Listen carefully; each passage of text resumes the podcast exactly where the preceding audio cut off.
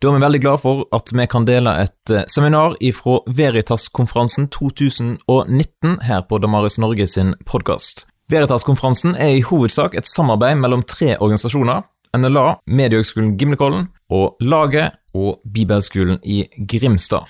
Og Vil du vite mer om Veritas-konferansen, så går du til veritaskonferansen.no. Her kommer dagens seminar. Well, uh, you're having no problem with my strange accent, is that right? It's fine? Okay.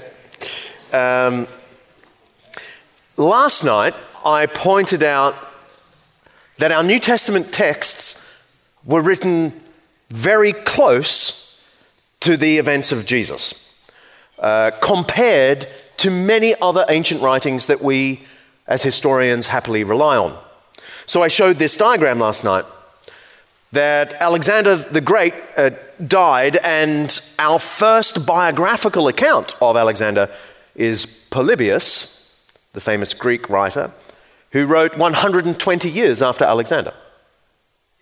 Actually, our best source for Alexander comes from 400 years after Alexander. This is a source known as Arrian. And you might think, why would we trust a source 400 years after Alexander? It's because Arrian uses much earlier sources, which we no longer have, but were built into Arrian's account called the Anabasis. That's more information than you needed. But the point is, our first biographical account is 120 years after Jesus, uh, after Alexander. And Tiberius, uh, whose image is on the coin that I passed around last night, and uh, true to form, uh, you guys uh, gave it back, which is very kind of you. Thank you. But Tiberius died in uh, AD 37, and we've got to wait nearly 80 years before we get the account of his life that every historian regards as the most reliable in Tacitus. Jesus dies. We have full blown writings about him, uh, which assume the knowledge of all sorts of things about his life within 20 years of his death. And all of the New Testament writings are complete within 60 years. So even our latest New Testament text is closer in time to Jesus than our very best source for Emperor Tiberius, the man who ruled the world at that same time. So that was just a point I threw out last night to say, even just thinking in terms of literature, written sources, our writings are close in time. However, there is a gap. There is at least a 20 year gap between Jesus' death and our first actual um, written documents, the complete documents about him.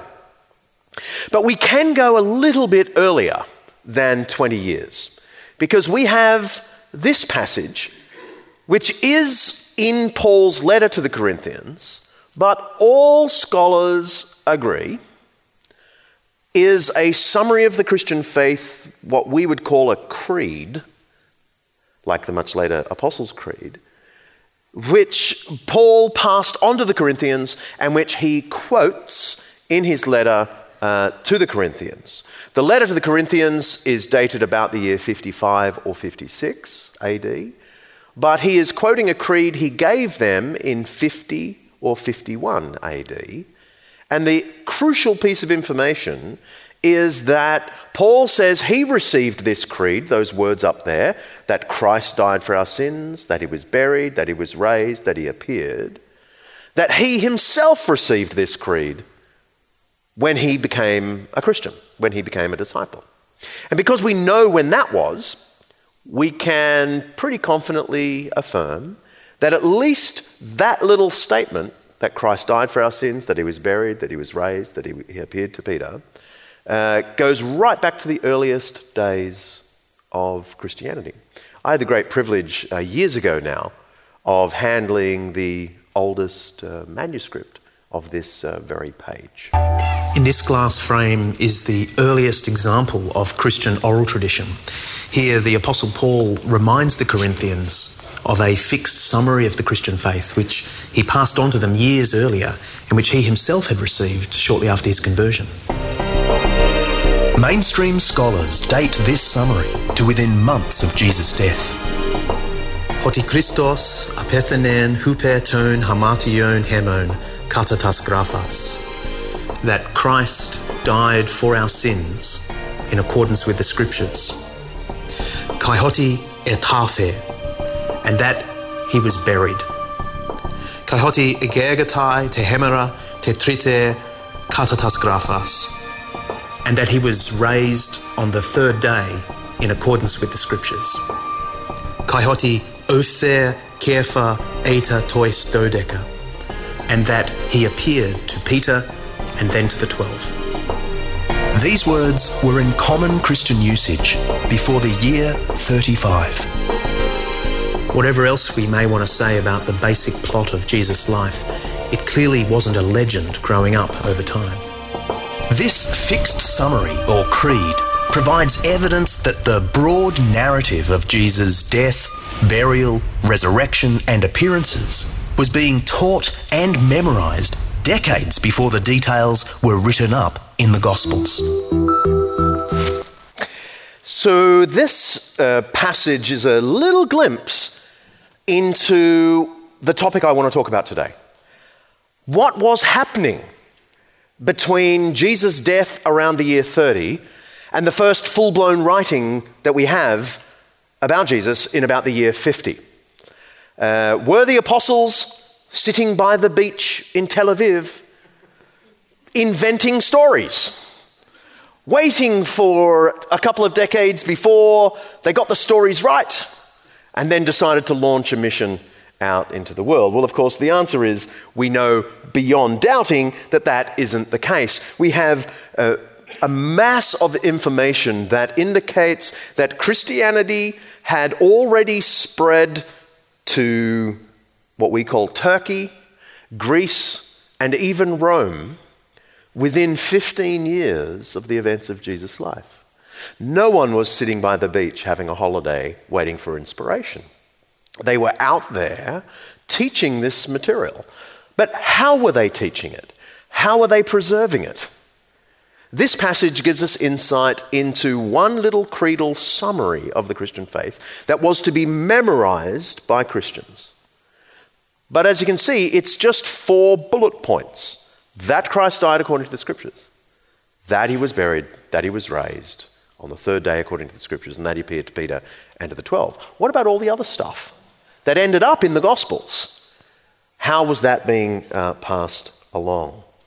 Well, I want to talk about that now in uh, several moves. My first move is to talk about the centrality of memory in antiquity.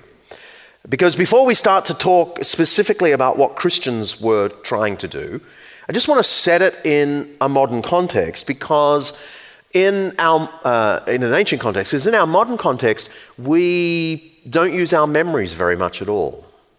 And we have iPhones. Why would we need a memory?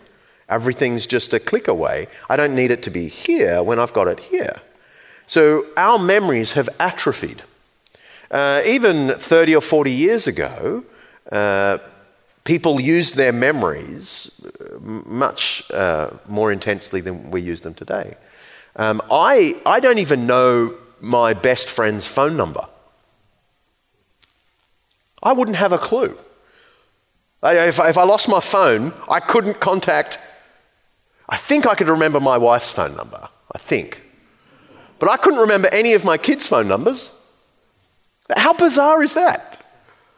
But I, even I remember, you know, back in the days when we used phones that were actually in the house and there was a device like this and you picked it up, right?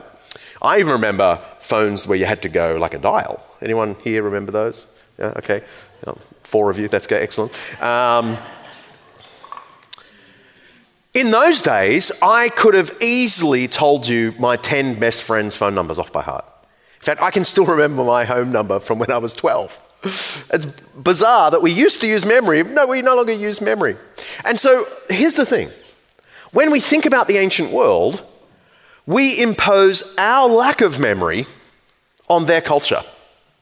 And so you often hear people say that the stories of Jesus were told in a game of, I don't know what you call it here. Do you call it telephone? What's, what's that? Whispers, a game of whispers. Yeah.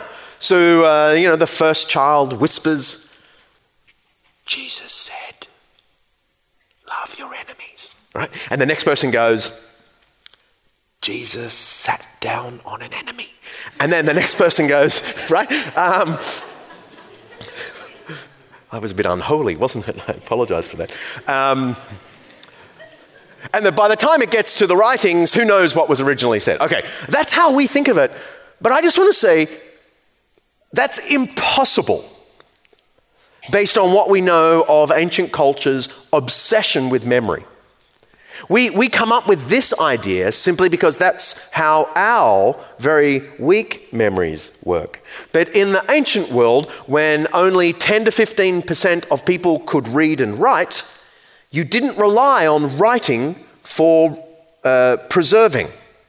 You relied on memory and rehearsal. See, uh, why would you, as a first instinct, write stuff down when only 10 to 15% of people can read and write. Your, your instinct was not, then I've preserved it. Look, because I've written it down. Well, you've only preserved it for a small portion of the population. How did ancient people, even forgetting about the Christians, how did ancient people preserve important material, cultural material, important stories, family histories, genealogies, etc., etc., etc.? How did they preserve them? They preserved them by memorization and repetition. The ancients viewed memory as a vital intellectual organ in a way that we have almost no parallel for. Here is a famous book on the use of memory in ancient education uh, by Raffaella Cribiore, and uh, she uh, offers this uh, summary Memory was the foundation of all knowledge in a world that could not rely on easily consulted books. Exercises of mental gymnastics practiced at every level of education aimed at strengthening the student's natural capacity for retention to levels unheard of in the modern world. Concern for improving memory and retrieval showed at every stage of education.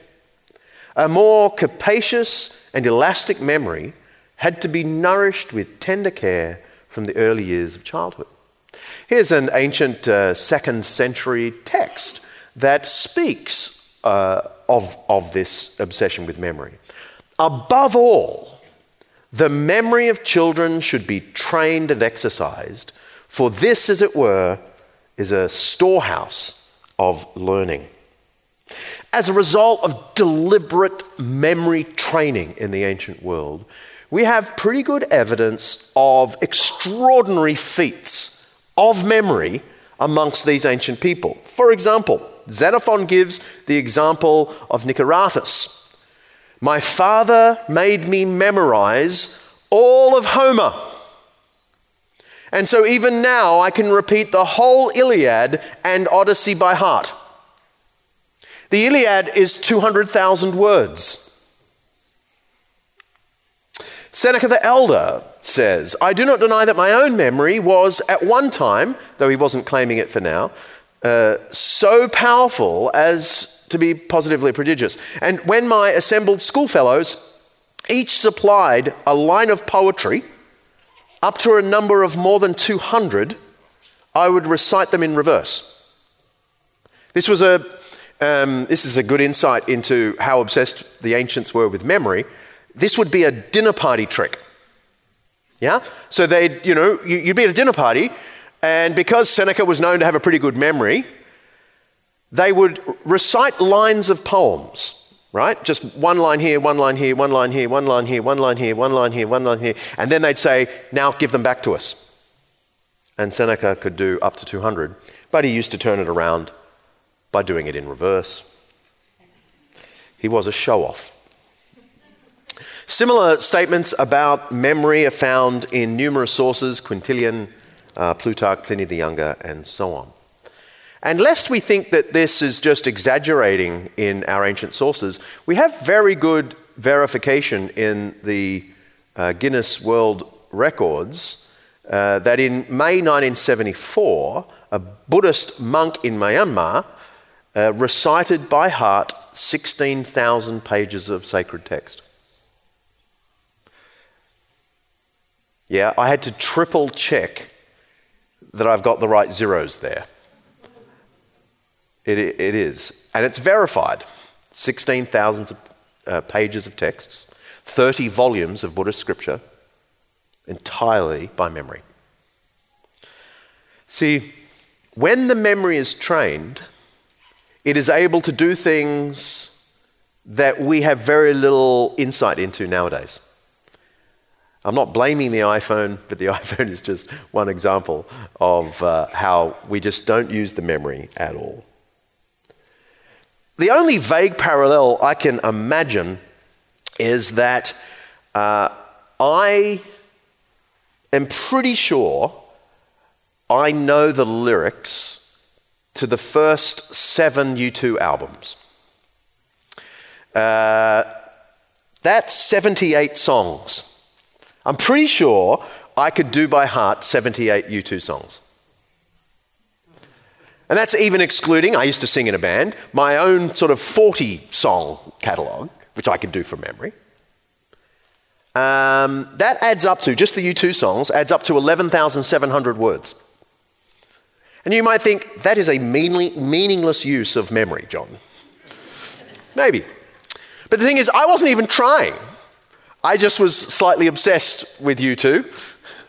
And uh, those words have just locked into my head. 11,700 words, by the way, is about the length of Mark's gospel.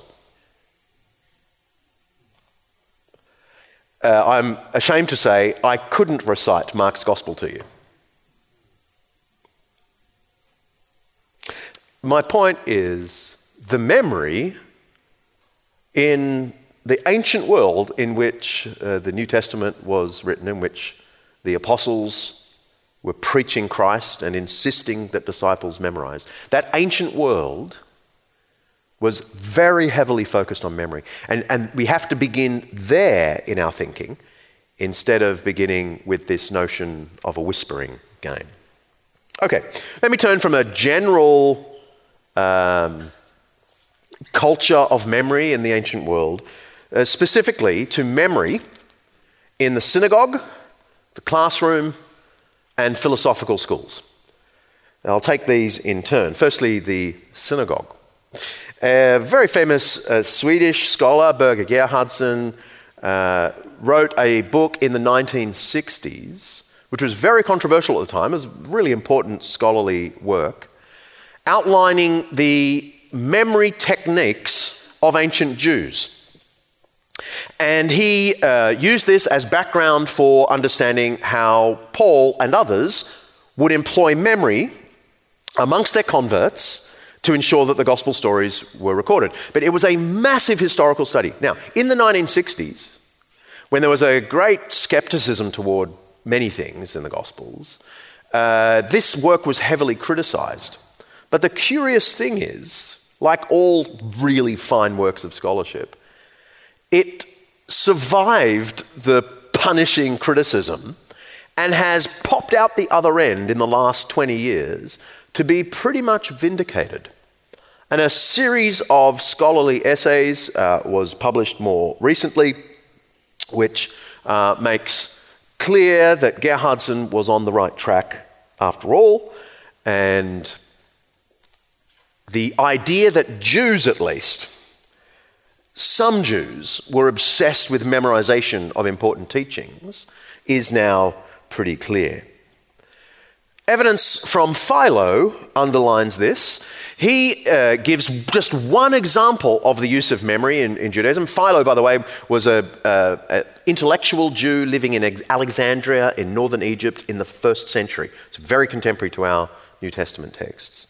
And he says that every first fruits festival, when Jews would flock to Jerusalem, worshippers were required to recite by heart a little summary of Israel's history before they presented their offerings, their first fruit offerings in the temple.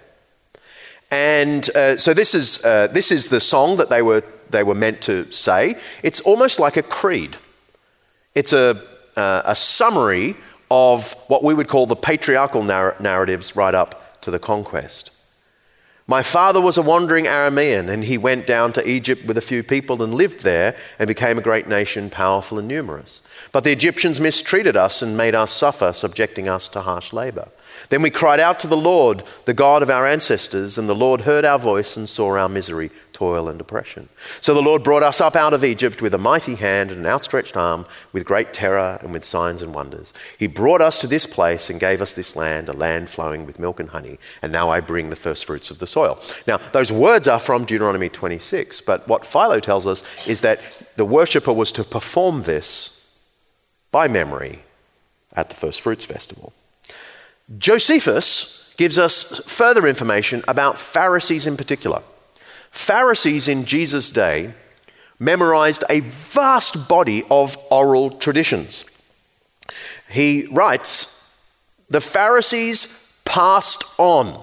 Now, the reason I've got that funny Greek word up there, paradosan, is because those, of you who have Greek may uh, know that it's the same word Paul uses when he says in 1 Corinthians, I passed on to you that little creed.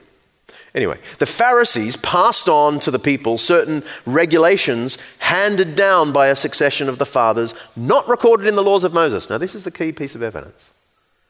The Pharisees didn't just rely on the law of Moses written down, but on a big oral tradition, which they called the second Torah, the second law, which was all by memory. For which reason they are rejected by the Sadducean group, who hold that only those regulations should be considered valid which were written down, and that those derived from the traditions of the fathers need not be observed. So the Sadducees didn't believe in preserving an oral tradition. The Pharisees, on the other hand, did. Now, this is a crucial piece of evidence because we know what kinds of things Pharisees were memorizing because eventually the stuff they memorized was written down in another book called the Mishnah. The word Mishnah means repetition, and it was written down in the year 200, so slightly after our New Testament period. And this book is uh, in about 1,100 pages the collected, the written collected form of the stuff Pharisees memorized. It isn't an exposition of the Old Testament, it is an entire parallel tradition of memorized material where it, it records the sayings of about 150 rabbis.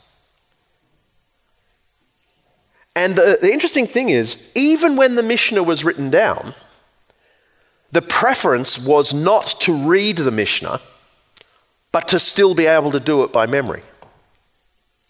Not just the Old Testament as a written text, but the memorizing of the words of 150 rabbis. Now, when you think about it, the earliest Christians had a much easier job than the Pharisees because they were really only interested in one rabbi, not 150. And actually, the Mishnah eh, has many, many examples. If you've never read the Mishnah, it's worth, worth doing just so you can get a sense of the kinds of things ancient Pharisees were repeating and memorizing. But here's just one little example. They're recalling a story of Rabbi Hanina ben Dosa, who lived right about the time of the Apostle Paul, actually. And uh, I'll quote this from the Mishnah. But the important point is this written version is just one little example of a story that Pharisees had been telling by memory from the very time of the Apostle Paul. When he, Rabbi Hanina, would pray for the sick, he would say, This one shall live, or this one shall die. They said to him, How do you know? He said to them, If my prayer is fluent, then I know that it is accepted and the person will live. But if not, I know that it is rejected and the person will die. Now, just little side comment. Wouldn't you hate it if Rabbi Hanina came to pray for you when you were really sick and he accidentally stumbled? Wouldn't you say, do it again, pray again, do it fluently? But the interesting thing is, here we have in the Mishnah an, an example that sounds very much like a gospel story. In fact, if, eh, If you read, say, the Gospel of Mark, the curious thing about it, it doesn't read like a very good novel at all. Because the Gospel of Mark sort of reads like this The next day, Jesus went into a town and was greeted by someone, and he said this, and this was the response of the crowd.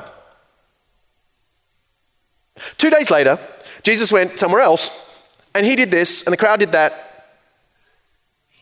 A couple of days later, right, it's bad novel. The Gospels are terrible novels. They're little units just like this and about the same number of words. Each little, what's called a pericope, each little story is just little story, little segue, story, little segue, story, little segue, which is pretty good evidence that what we have in the Gospels is very much like what we have in the Mishnah. Records of memorized stories and sayings. I could give you many, many examples from the Mishnah, but I'm just trying to underline the point that we know that Pharisees in the same period of Jesus and the apostles were memorizing stories just like you find stories in the Gospels. Okay, that's Judaism. And you might think, oh, yeah, okay, so Paul was a Jew. In fact, Paul was a Pharisee. So Paul comes from this tradition. Paul is into memorizing. Paul could probably have quoted many, many rabbis when he was a Pharisee. But then he becomes a Christian. And now he's got just one rabbi that he's trying to remember. And he's, now he needs to pass it on to non Jews.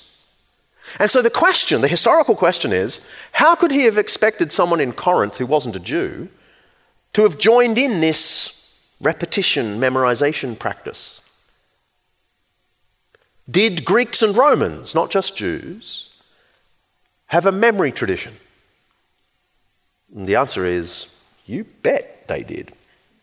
I want to give you an example from uh, primary school, like little kids' school, and then I want to give you an example from philosophical school. Here's an example from kids' school. This on the screen is a random page from a school workbook from the ancient world that we found completely randomly. I say we found, I had nothing to do with it. Though they are my little fat thumbs holding the text there. It's preserved beautifully in a gorgeous uh, museum in Florence that I got to visit um, a couple of years ago. And the importance of it is that it is one lesson on how to quote someone. There are about a dozen rhetorical techniques kids about age 12, so not advanced students, kids age 12, had to learn in order to be able to learn ultimately how to give speeches and that sort of thing, right? And amongst these 12 rhetorical techniques was a technique called Kreia. Kreia just means useful, the useful saying. And kids had to learn uh, how to quote some famous figure from the past. It might be a quotation from Homer, it might be a quotation from Aristotle, or whatever. But they had to learn how to incorporate a useful quotation. Now, the thing is, we knew about this from many other writings, but when we found this, we actually found an example of how it was taught. And what you have here is a lesson where you can see um, way out on the left margin is a question that the teacher asked. I'll, I'll show you it in English in a moment, okay, so don't worry. But see how it's way out in the left margin? And then it's indented. The lines underneath are indented. That's the student's answer. And then the teacher asks another question, which is out in the left margin. And then the, the student has to answer the question. All right. This is all done by memory, and here's how it goes. The teacher asks, What is the Kreia? Useful quotation. And then the student has to give a memorized definition. It is a concise remembrance associated with a particular figure. Teacher. Why is the useful quotation a remembrance? Student. Because it is remembered in order to be retold. That's deep. Teacher. Why concise? Student, because if lengthened, it becomes a narrative or some other device. Now, now that's a little insight into what's going on in ancient education, because a narrative is a different rhetorical technique. One of the 12 rhetorical techniques is called a narrative, where you have to tell a, a short story. Very much like what uh, we had with Rabbi Hanina, very much like the Jewish stories, very much like the gospel stories. They're, they're just called narratives. But hold that in mind because you're going to hear that word again. Okay, so, so he's just saying the kreia, the useful quotation, is different from the narrative because that's another lesson. Why is it associated with a figure? You know, like Aristotle or uh, Homer or, or whatever. Student, because without being attached to a figure, a concise remembrance frequently, frequently becomes a maxim or some other device. A maxim is another of the 12 devices. Why is it called a useful quotation? I love this. Because of its being particularly useful. Not that the other devices are not useful, but, and then the text is illegible, unfortunately. And at the very bottom of the page, oh, well, you can't see there. Okay, don't worry. At the very bottom of the, of the, of the manuscript, it says, and what is a narrative? Which tells us on the next page, which is lost, we only have this one page. The whole thing went on exactly like this where the student is asked a question and then a follow up question and a follow up question and a follow up question, and it's all done by memory. Uh, here's my point, and there are many other lines of evidence uh, I could make if this were going to be even more boring a lecture than this is. The point is, in the ancient world, this is how you learned stuff. You memorized stuff. You memorized uh, definitions of things and even answers to the questions about the definition. It was all done by rote. A little bit like uh, those of you who were musicians learnt, probably, learnt scales. Like if you were a pianist, you were forced to do scales, and you hated it. And eventually they taught you tunes, and you, you worked out why you learnt the scales. Because the muscle memory of the scales ended up giving you a sense of the whole keyboard and of where every note was so that you didn't even have to think about it. But you only got that through the rote memory of the scales. Okay? That's how the ancients thought about this stuff. They thought you had to rote me- memorize the really important core stuff so that then you were free to be musical and creative. But if you didn't have the scales, you wouldn't be able to do the songs. If you couldn't memorize what a kreia was and how it differed from a maxim or a narrative, you wouldn't be free to use them with just the sort of muscle memory, just sort of intuitively use them in speeches and so on. Okay, that is the kids' classroom. Let me turn to the grown ups. The grown ups even thought you had to use your memory. And one very cool example of this is found in the school of Epicurus. Epicurus is uh, the famous uh, ancient Greek philosopher, uh, 4th to 3rd century BC. Uh, we get the expression an Epicurean from it.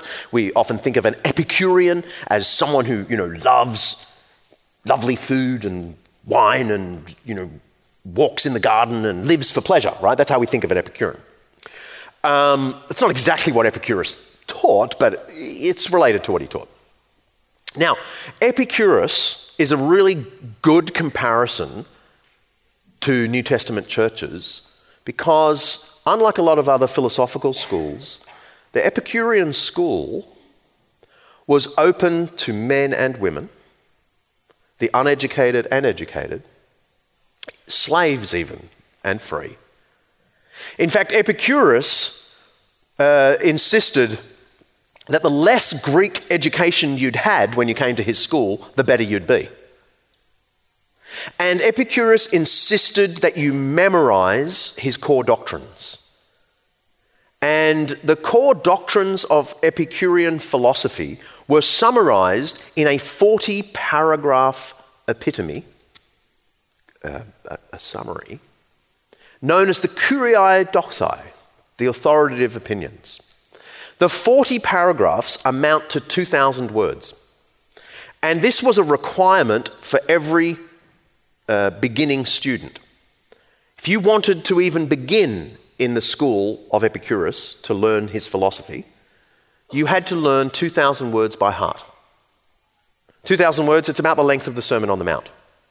That's just to get in. Let me give you an idea of uh, what you had to learn if you wanted to be an Epicurean. Because the first four of the 40 kyriai doxai, um, authoritative opinions, the first four are a summary of the 40. Because that's kind of cool. So you've got 40 you've got to memorize, but the first four tell you what the remaining 36 are about. And here they are, okay? Imagine trying to memorize this. A blessed and eternal being has no trouble in himself and brings no trouble upon any other being. Hence, he is exempt from movements of anger and partiality, for every such movement implies weakness. You got it? Two. Death is nothing to us, for the body, when it has been resolved into its elements, has no feeling, and that which has no feeling is nothing to us. Three. The magnitude of pleasure reaches its limit in the removal of all pain when pleasure is present. So long as it is uninterrupted, there is no pain either of body or of mind or of both together. Four. Continuous pain does not last long in the flesh. On the contrary, pain, if extreme, is present a very short time, and even that degree of pain which barely outweighs pleasure in the flesh does not last for many days together. Illnesses of long duration even permit of an excess of pleasure over pain in the flesh. And 36 more. That's to begin. That's the lowest level. 40 of these statements. Now, the awesome thing is that these 40 kyriai doxai, as I said, are summarized in the first four of the 40. And then we found a little four line summary of these four paragraphs that are themselves a summary of the 40. It's called the Tetrapharmakos. And it goes like this. Those of you who have Greek can see that it rhymes, it bounces along, it's a, it's a jingle. But it's the first, it's the four doctrines of Epicurean philosophy unafraid of deity, unconcerned by death, the good well acquired, trouble well withstood. So, what we have here is a four line summary, a creed, you might say, of a four paragraph summary, of a 40 paragraph summary of the doctrine of Epicurus. Okay? This is how into memory the ancients were. Both Jewish and Greek and Roman uh, ancient contexts emphasized memory to a degree that is hard for us to get our heads around. And all of this provides a context for the last thing I want to say, in case you were wondering if I'd get there. Memory in early Christianity. But in a way, you know, all the kind of boring, nerdy stuff that I've done so far is so important because to do good history, you've got to think like an ancient, not like a modern. And only when you get all this stuff about memorization can you see the hints in the New Testament of the practice of memorization. The first instinct of the first disciples was not to write down what Jesus said.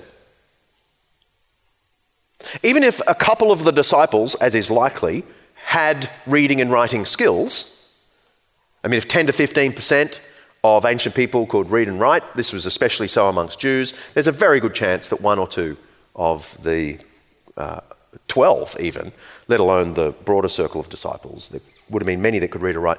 But actually, they knew that if you wanted to get a message out to many, many people, writing so that people can read really only gave you a tiny portion of the population. So they did what Greeks and Romans and Jews did. They committed it to memory, which brings us back to 1 Corinthians 15, 3 to 5. Because this little summary on the screen, this, um, the bit in yellow especially, is a four line summary. And as soon as you see that, against the historical background, it looks very much like the same kind of device that was used in Epicurean circles. Unafraid of deity is the first doctrine, but it's the first doctrine that can be summarized in that whole paragraph up there. A blessed and eternal being has no trouble in himself, etc. And then the same with unconcerned by death is just one line that summarizes the second paragraph. Death is nothing to us for the body, and, and so on and so on. The creed that I'm talking about here, Christ died for our sins according to the scriptures, is a mnemonic, a memory device. That is a summary of a summary of a summary.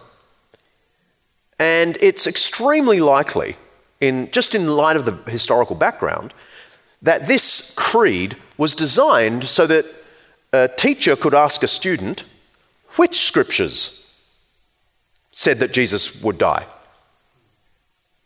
And that second line, and that he was buried, it's very likely a teacher was meant to then ask, by whom? How was he buried?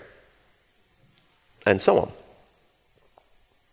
Uh, we have here a glimpse into the educational paradigm of earliest Christi- the early Christians. This is a concentrated summary of uh, broader gospel material. But we have evidence that the earliest Christians also memorized narratives. Not just summaries like this, four lines that summarize obviously those last several chapters of the Gospels, but they actually had to memorize individual stories, much like what we find in the Mishnah of other rabbis. And here's an example, and it's in 1 Corinthians 11. Because this passage was passed on to the Corinthians uh, before this was written down in the book of Corinthians, uh, that the Lord Jesus, on the night he was betrayed, took bread, and when he had given thanks, he broke it and said, This is my body, which is for you. Do this in remembrance of me. In the same way, after supper, he took the cup, saying, This cup is the new covenant in my blood. Do this whenever you drink it in remembrance of me.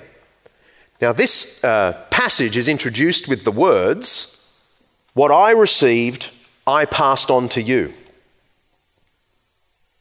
That same language of receiving a tradition and passing on a tradition. So, the important thing to observe here is that although Paul is quoting this in 1 Corinthians 11, a document which we can date to the year 55 or 56, he's actually simply reminding them of what he passed on orally in the year 50 when he was in Corinth. So here is a good example that Christians weren't just meant to remember stuff like that Christ died for our sins according to the scriptures, which is a big, you know, a summary of a big thing. They were meant to remember about 80 words about the Last Supper. Actually commit this to memory. And the interesting thing is, the same story of the Last Supper is recorded in uh, Luke 22, about 20 years after Paul's letter to the Corinthians.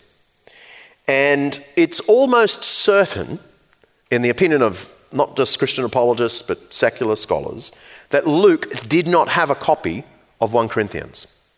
The reason for this is just that there's a general implausibility that Luke would have a copy of a letter that was sent to one city um, Paul's letters were not collected into a, a, a body of writings until the end of the first century or the beginning of the second century.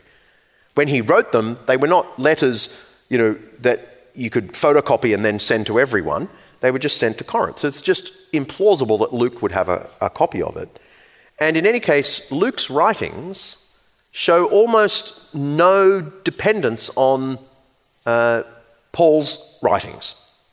So um, you can read through Luke's gospel in the book of Acts, and it, it's just unthinkable that if Luke had a copy of Paul's writings, it's unthinkable that he wouldn't actually quote it throughout. And the third reason scholars don't think Luke actually had a copy of 1 Corinthians when he wrote 20 years after 1 Corinthians is that actually there are differences between these uh, two forms of the Lord's Supper.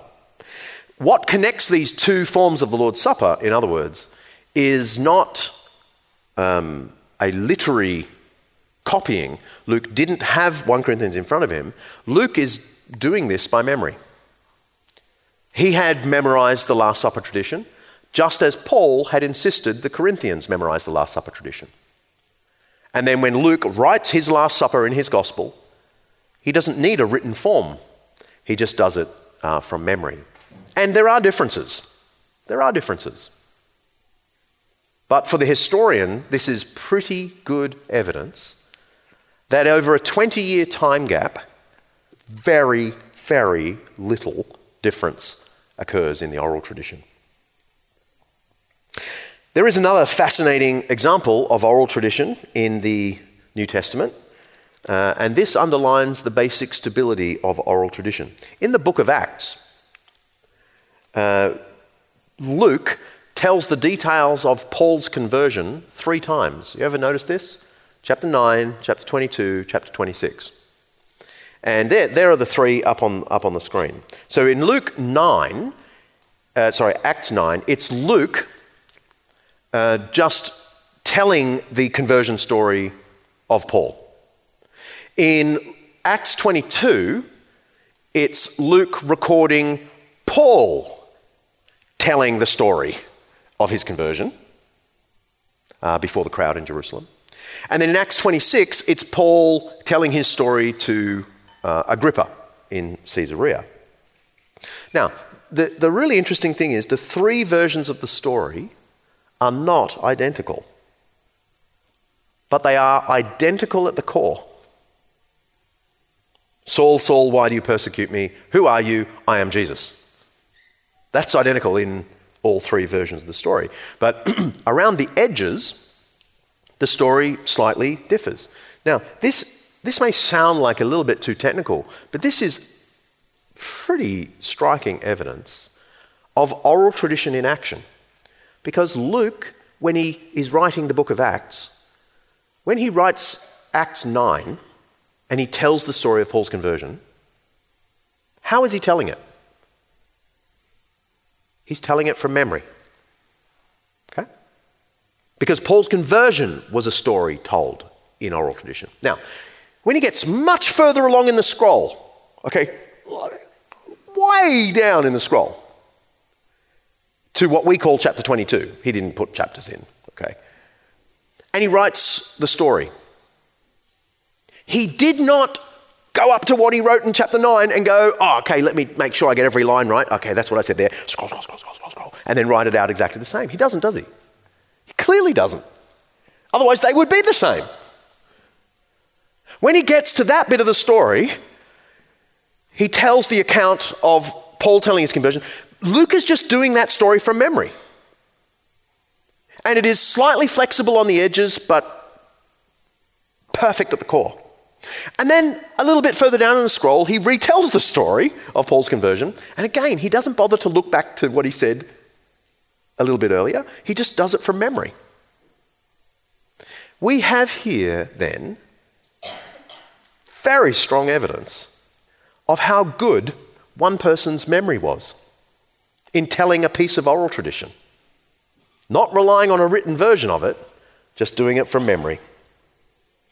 Uh, James Dunn is uh, an expert on all of this, uh, and his book, which um, I usually recommend as the finest historical Jesus book.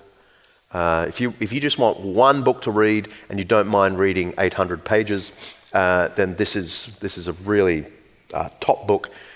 It's not, a, it's not apologetics. he, he doesn't treat the Bible as the Word of God. Okay? So I'm not recommending it to you for theological value, but as a, as a historian, he's um, top notch. And he makes the point that when you look at those three accounts of Paul's conversion and the slight differences, but the perfect core, we have very good evidence that the way oral tradition worked was not that it developed as the years went on. Every single performance of the oral tradition, every time the story was told, it would be stable and flexible.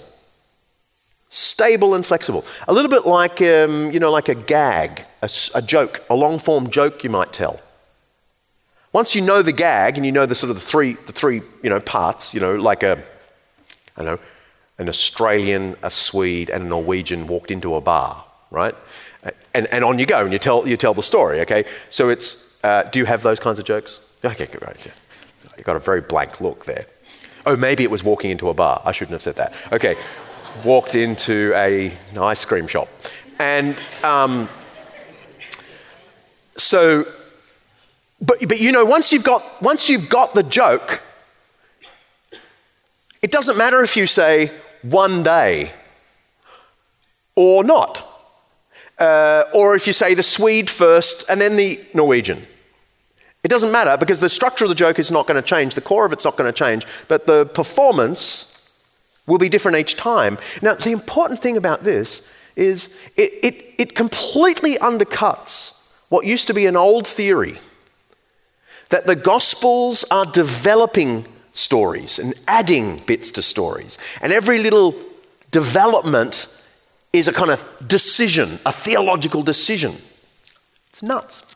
When you look at the three versions of the same story performed by the same author, it's clear that oral tradition can happily be a little bit different on the edges, and yet the core remains the same. Anyway, here's what James Dunn says An oral retelling of a tradition is not at all like a new literary edition. It is not worked on or from a previous retelling. How could it? The previous retelling was not there as a text to be consulted. In oral transmission, a tradition is performed, not edited. And as we have seen, performance includes both elements of stability and elements of variability. Stability of subject and theme, of key details or core exchanges, variability in the supporting details and the particular emphases to be drawn out. The gap between the apostles and the finished New Testament is already relatively short. The cool thing, even without all this oral tradition stuff, the cool thing is when the New Testament writings were being put down, there were still eyewitnesses alive. It's being written in a period where people are alive who saw the events, right? So that is very good just historically. But when you add to it that that literary gap between Jesus and the first writing is amply filled by an oral tradition, there's no historical gap. The apostles were not sitting by the beach waiting to tell their story 20 years later. They were running around the world setting up little schools, insisting that you memorize sayings and deeds of Jesus and creeds that summarize the whole thing, that lock it in, so that when the Gospels were uh, uh, finally written down in the 60s, 70s, 80s, and 90. This was not innovation. This was just like the Mishnah, the Jewish written version of the memorized stuff about the Pharisees. The Gospels are just the written version of the memorized oral traditions that the average Christian had to get their head around. And I return to what I said earlier it is, it is not a game of whispers. It is far more like me being able to recite 11,700 words of U2. The length of a gospel. The early Christians preserved this stuff, and then it was written down, relatively close in time to the events themselves. Can we trust the memories of the gospel writers? I think the answer is yes. And with that, I end. Thank you.